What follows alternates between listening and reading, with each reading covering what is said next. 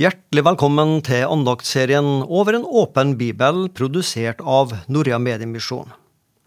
Og da skal vi gi ordet til dagens andagsholder, som er Rolf Gunnar Heitmann.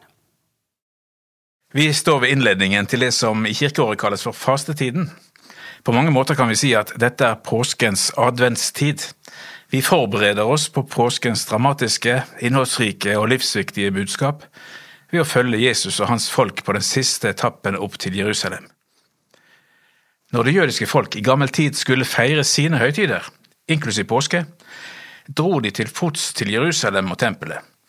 På vandringen sang de sine salmer og ba sine bønner, og 15 av disse salmene er bevart i vår bibel og samlet under overskriften Sanger ved festreisende. Vi finner dem i Salmenes bok, salme 120 til 134.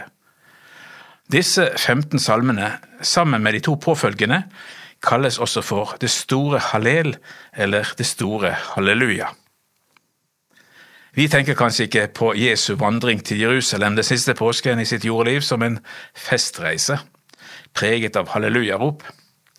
Hans vandring gikk mot ydmykelse og smerte, lidelse og død.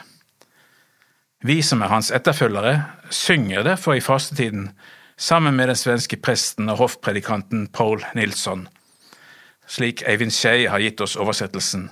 Se, vi går opp til Jerusalem i hellige fastetider, og ser hvordan Jesus, Guds egen sønn, i stedet for syndere lider. Uttrykket i stedet for forteller oss altså at Jesu vandring, hans lidelse og død, egentlig skulle være vår vandring. Han er stedfortrederen. Han går inn i vårt sted for å bære vår synd og lidelse. Det er som det skjer et rollebytte i påskens drama, der all juridisk praksis og rettsfølelse settes på hodet. Den fullkomne og rettferdige overtar den skyldiges straff, slik at den skyldige settes fri og blir løst fra dommens konsekvens. Det er dette som er evangeliet, det gode budskapet. Det er dette som kalles nåde. Paulus formulerer det slik i 1. Korinterbrev kapittel 5 vers 21.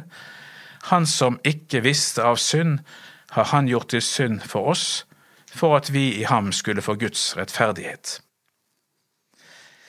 Fastetiden minner oss likevel om at dette ikke er lettkjøpt nåde. Derfor stiller Paul Nilsson oss noen ransakende spørsmål i påskens adventstid, slik at vi skal grunne på og erkjenne hvilken pris Jesus måtte betale for å frelse oss og samtidig på nytt bekjenne vår synd, urettferdighet og utilstrekkelighet. Han spør hvem deler Vår Herres smerte? Hvem våker med Jesus i verdens natt?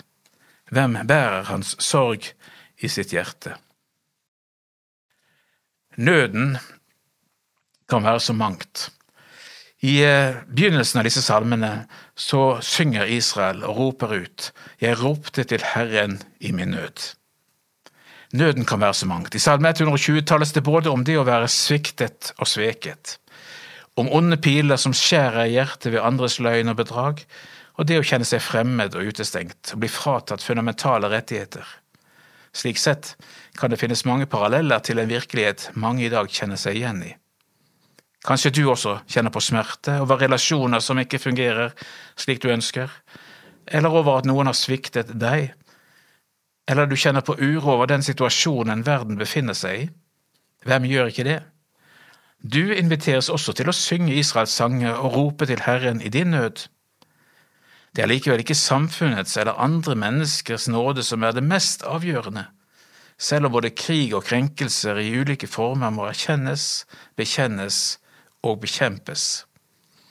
Den åndelige nød er at vi er kommet bort fra Han som skapte oss, og må få gjenopprettet det forholdet. Derfor er Guds nåde avgjørende.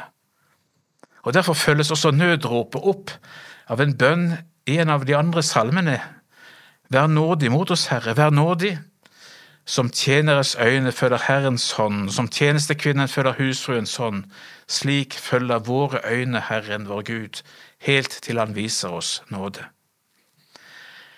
Jeg tenker på Verret, en hjemløs alenemor som hadde måttet flykte fra en voldelig ektemann. Fysisk og psykisk ødelagt søkte hun hjelp hos kriseteamet Mahaseh i Jerusalem. I møte med kristne fagfolk og den omsorgen Verret fikk, startet en helbredelsesprosess.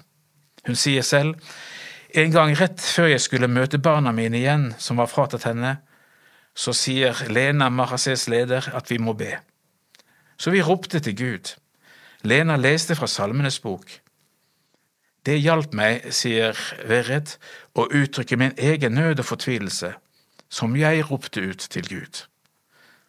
Og så sier hun, Lena sin tro og medarbeidernes vilje til å be med tårer og empati gjorde at jeg fikk en sterk dragning til det jeg så de hadde.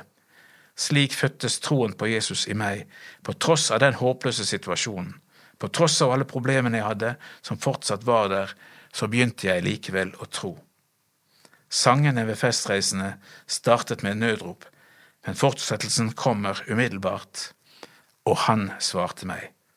Det er løftet erfaringen som også du kan få del i når du roper. Du har nettopp hørt en andakt i serien Over en åpen bibel.